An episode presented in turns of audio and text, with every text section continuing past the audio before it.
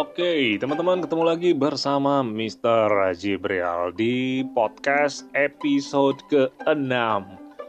Kita pada episode kali ini headline-nya tentang lubang dalam pikiran kita. Lubang pikiran itu kalau teman-teman uh, asosiasikan, kok lubang sih Mister? Kenapa emang ya pikiran kita bolong ya? Bukan. Pernah gak teman-teman? Ya ini mungkin gak semua uh, kita mengalami hal yang sama gitu ya. Tapi kita pernah lihat kan di dalam film ketika ada scene uh, kediaman seseorang rumah seseorang digedor-gedor dok dok dok dok dok dok dok dok. Kayak gitu kan sama orang yang mungkin asing gak dikenal gitu ya kan. Digedok gedok gedok gedok kayak gitu. Sebelum keluar orang yang punya rumah tadi nih akan mengintip lewat lubang yang ada di pintu ya mungkin kalau di kalau di kita di perumahan-perumahan kita biasa mungkin nggak ada gitu. Nggak ada pintu yang ada uh, apa namanya lubang ya untuk mengintip orang luar itu siapa nggak ada. Nggak lazim gitu ya. Mungkin kalau itu terjadi di hotel. Kalau di hotel mungkin ada ya beberapa yang ada uh, lubang untuk ngintip siapa kan gitu ya. Tapi kalau di perumahan mungkin nggak ada. Tapi anggaplah uh, Mister Anggap nih teman-teman pernah melihat scene dalam film kayak begitu. Kita nggak nggak langsung membuka pintu itu kenapa? Karena kita belum tahu siapa yang ada di balik pintu di luar. Ya sementara kita harus terus waspada. Uh, takut-takut orang yang di luar tadi melakukan tindakan yang bisa mengancam diri kita ya kita motifnya kan nggak pernah tahu karena kita nggak bisa baca pikiran. Makanya dari lubang itulah kita akan menilai mengukur siapa orang tersebut. Ah, habis itu baru kita ajak komunikasikan siapa bagaimana mau ngapain apa tujuannya. Setelah itu baru oh udah jelas nih. Misalnya dia kasih tunjuk dari bolongan itu. Nggak bolong sih dari lubang itu dikasih lihat. Oh ternyata ada lencana polisinya. Berarti orang ini polisi nih kan kayak gitu walaupun nggak pakaian dinas polisi mungkin karena dia adalah seorang detektif yang sedang menyelidiki sesuatu uh, mungkin tempat kejadian perkaranya deket rumahnya kan gitu ya kalau di scene-scene film gitu ceritanya habis itu baru di, diperbolehkan untuk masuk setelah si punya rumah yakin dan percaya bahwa orang yang di luar tadi adalah seorang polisi. Nah, maksud dari lubang dalam pikiran tadi adalah bagaimana kita mengintip ke dalam diri kita sebenarnya kita ini siapa gitu. Jangan-jangan kita asing sama diri kita sendiri. Atau jangan-jangan kita hanya ikut-ikutan sama orang lain sehingga kita kehilangan jati diri kita sendiri. Alih-alih kita ini mengikut orang-orang yang tanda kutip kita hormatin gitu ya. Kita ikutin, kita menjadi bagian dari uh, organisasi tertentu gitu kan. Karena satu dan lain hal kita mencintai pemimpinnya. Kita menyenangi pemimpinnya. Baik dalam pemimpin mungkin sebuah organisasi politik atau berbasis keagamaan. Ya ini kan banyak ya figur-figur yang kita anggap sebagai orang yang kita jadikan panutan. Nah, saking kita menjadikan panutan kita itu, terkadang kita juga lupa untuk melihat siapa sebenarnya diri kita gitu kan ya. Sebenarnya kita juga harus ingat diri kita juga punya peran yang peran itu harus kita kekuasai, harus kita bangkitkan supaya ke depan kita punya jati diri. Ini kan yang sering ditanyain ketika Mister membuka kelas, ketika Mister seminar tentang bagaimana menemukan potensi diri, bagaimana mengetahui kita ini sebenarnya potensinya sebagai apa? Bagaimana cara ngintipnya? Bisa nggak kita intip potensi kita? Kan kita belum tahu, kan kita nggak paham. Yang akhirnya kita hanya ikut-ikutan kan selama ini. Nih ya, kebayang ya teman-teman sebagai ilustrasi ya, kalau kita ikut-ikutan nih, kita ikut nih. Kita udah text time selama setahun, dua tahun.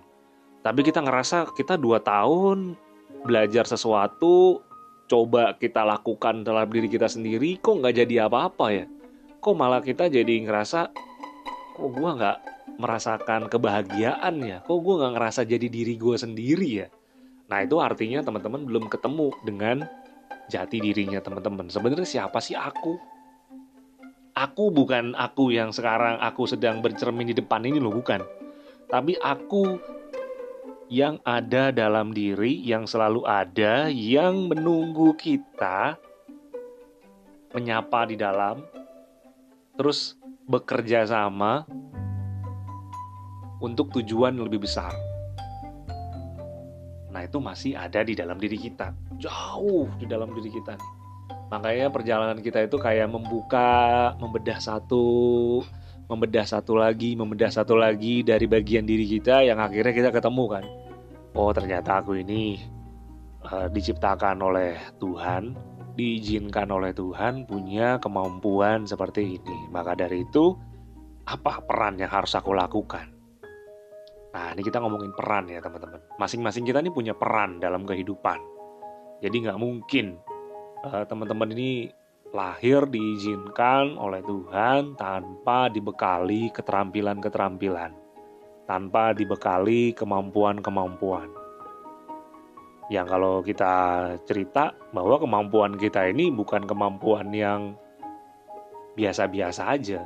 Yang biasa-biasa aja itu aja udah luar biasa, apalagi kita benar-benar ketemu dengan siapa sih diri kita, bagaimana sih diri kita sebenarnya kan gitu ya. Nah, mengintip diri kita sendiri melalui lubang pikiran itulah yang Mister lakukan, teman-teman. Bagaimana caranya Mister lakukan? Kan kayak gitu. Apa sih yang kita harus lakukan dulu pertama kali? Yang pertama kali kita lakukan nggak lain, kita harus putuskan dulu. Putuskan untuk menjadi diri sendiri. Itu. Punya pemikiran sendiri, meskipun berbeda dengan orang lain, orang lain ketika memikirkan tentang ya udah lo ngapain sih pakai pindah misalnya gitu ya ini kita ngomongin tentang kepindahan dari dari sebuah perusahaan untuk bergeser menjadi seorang wira swasta atau pengusaha ya karena tingkat kesadaran kita udah cukup dan mental kita udah cukup untuk membuka usaha sendiri. Sampai kapan kita tahu cukupnya? Diri kita sendiri yang tahu. Makanya masing-masing orang nih beda-beda kan mentalitasnya. Ada yang ya udahlah aku udah di sini udah nyaman, udah asik, udah enak. Ya, itu juga nggak salah teman-teman. Gitu. Menemukan kebahagiaan nggak di situ? Itu pertanyaan berikutnya kan. Menemukan keasikan nggak di situ?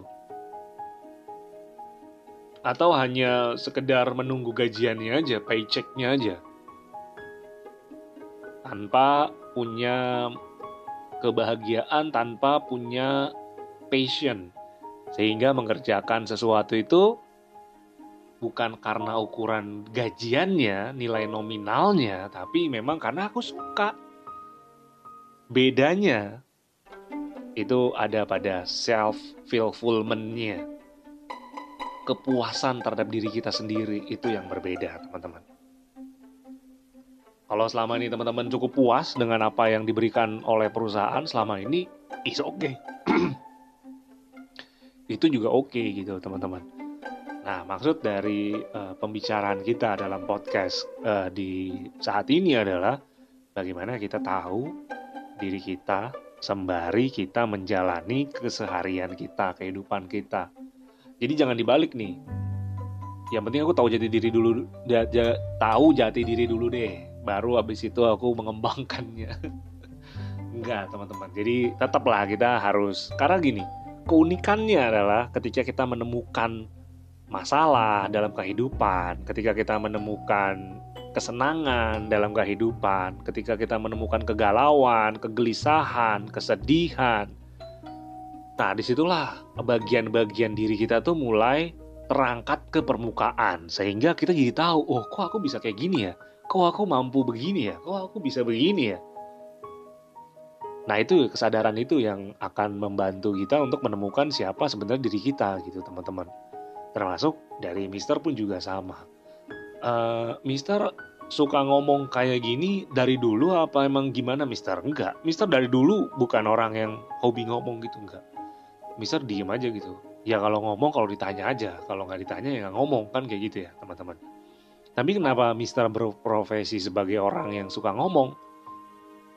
Kalau dalam istilahnya dibilangnya adalah seorang motivator atau seorang uh, trainer.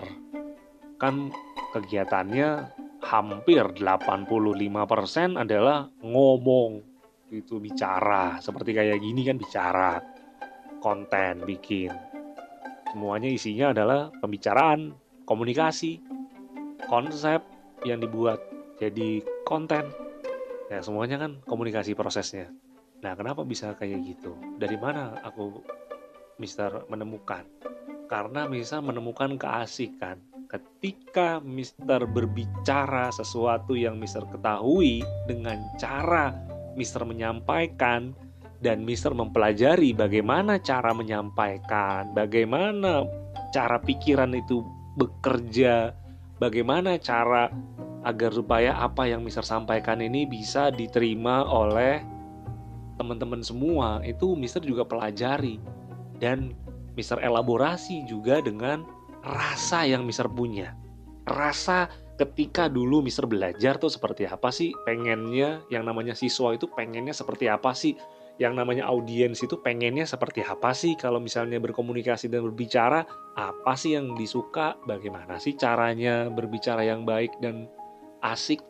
Bagaimana sih menjadi pribadi yang bisa diterima oleh audiens? Seperti itu teman-teman nah itu yang Mister pelajari dan Mister kombinasikan semuanya menjadikan pengajaran Mister menjadikan pembelajaran bersama Mister itu bukan sekedar hanya belajar habis itu udah tapi belajar yang punya kesan.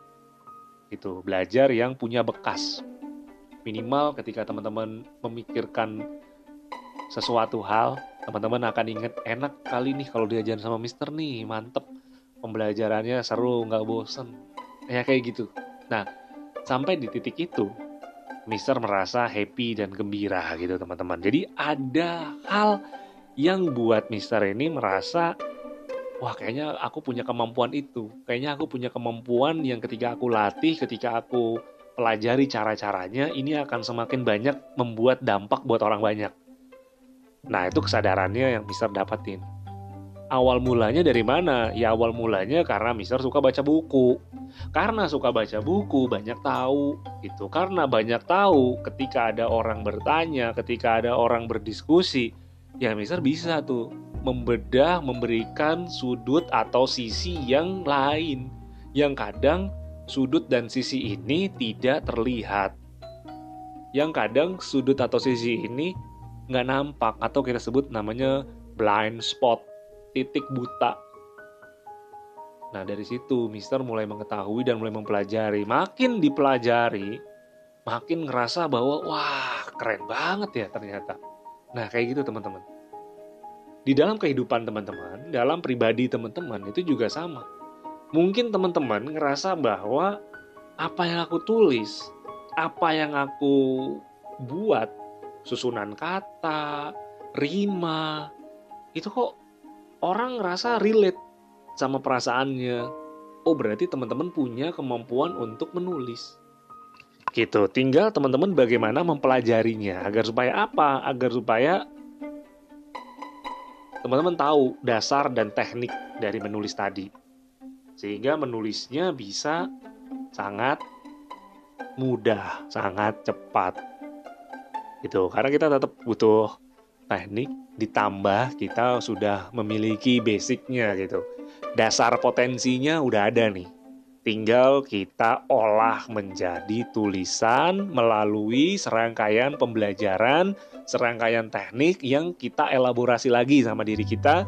Kita tambahkan unsur dalam diri kita yang itu unik yang tidak ada di dalam tulisan-tulisan orang lain. Nah, maka dari itu ketika kita membaca karya-karya dari Shakespeare, itu kan kita tahu banget gitu apa sih yang dia baca, apa sih kegalauan hatinya, kenapa dia bisa mengcapture begitu indah melalui susunan kata. Nah ini teman-teman yang harus kita kuasai. Kita tahu dulu diri kita ini seperti apa. Cara taunya adalah libatkan diri teman-teman untuk terlibat dalam berbagai jenis kegiatan. Ya, jadi jangan diem aja. Kalau diem aja sulit kita untuk mengetahui diri kita itu kemampuannya, batasannya apa sulit. Ketika ada permintaan untuk bisa nggak bantuin, oke bisa, gitu ya. Sambil kita mau pelajarin. Awal dari setiap master, awal dari setiap orang yang mahir, awal dari setiap orang yang jago adalah amatiran jadi jangan juga kita berpikir negatif dulu gitu. Berpikir bahwa ah nanti gue jelek, gak bisa lah gue kayak gitu. Ya semua orang mulai dari amatiran. Semua orang mulai dari cupu, dari biasa, lama-lama jadi jago kan. Karena belajar terus, bertumbuh terus, berevolusi. Kalau teman-teman sekarang dengar podcast yang udah ada di top ranking ke atas, itu pasti kan melalui pembelajaran yang panjang gitu. Selain juga exposure dari media mungkin. Itu kan juga menjadi bahan agar supaya sesuatu itu jadi number one dalam mesin pencarian dalam algoritma. Kan gitu karena terkait dengan kasus tertentu karena terkait dengan karya tertentu karena terkait dengan berita tertentu event tertentu jadinya bisa saling nyambung nih gitu. Atau di belakangnya juga memang ada influencer influencer. Gitu teman-teman. Tapi jangan langsung kita udah nggak usah lah. Siapa yang dengar nanti? Ada yang dengar karena tetap aja ada yang dengar ada orang yang melihat ada orang yang mendengar merasa bahwa ini cocok buat aku gitu. Ini beda dari yang lain.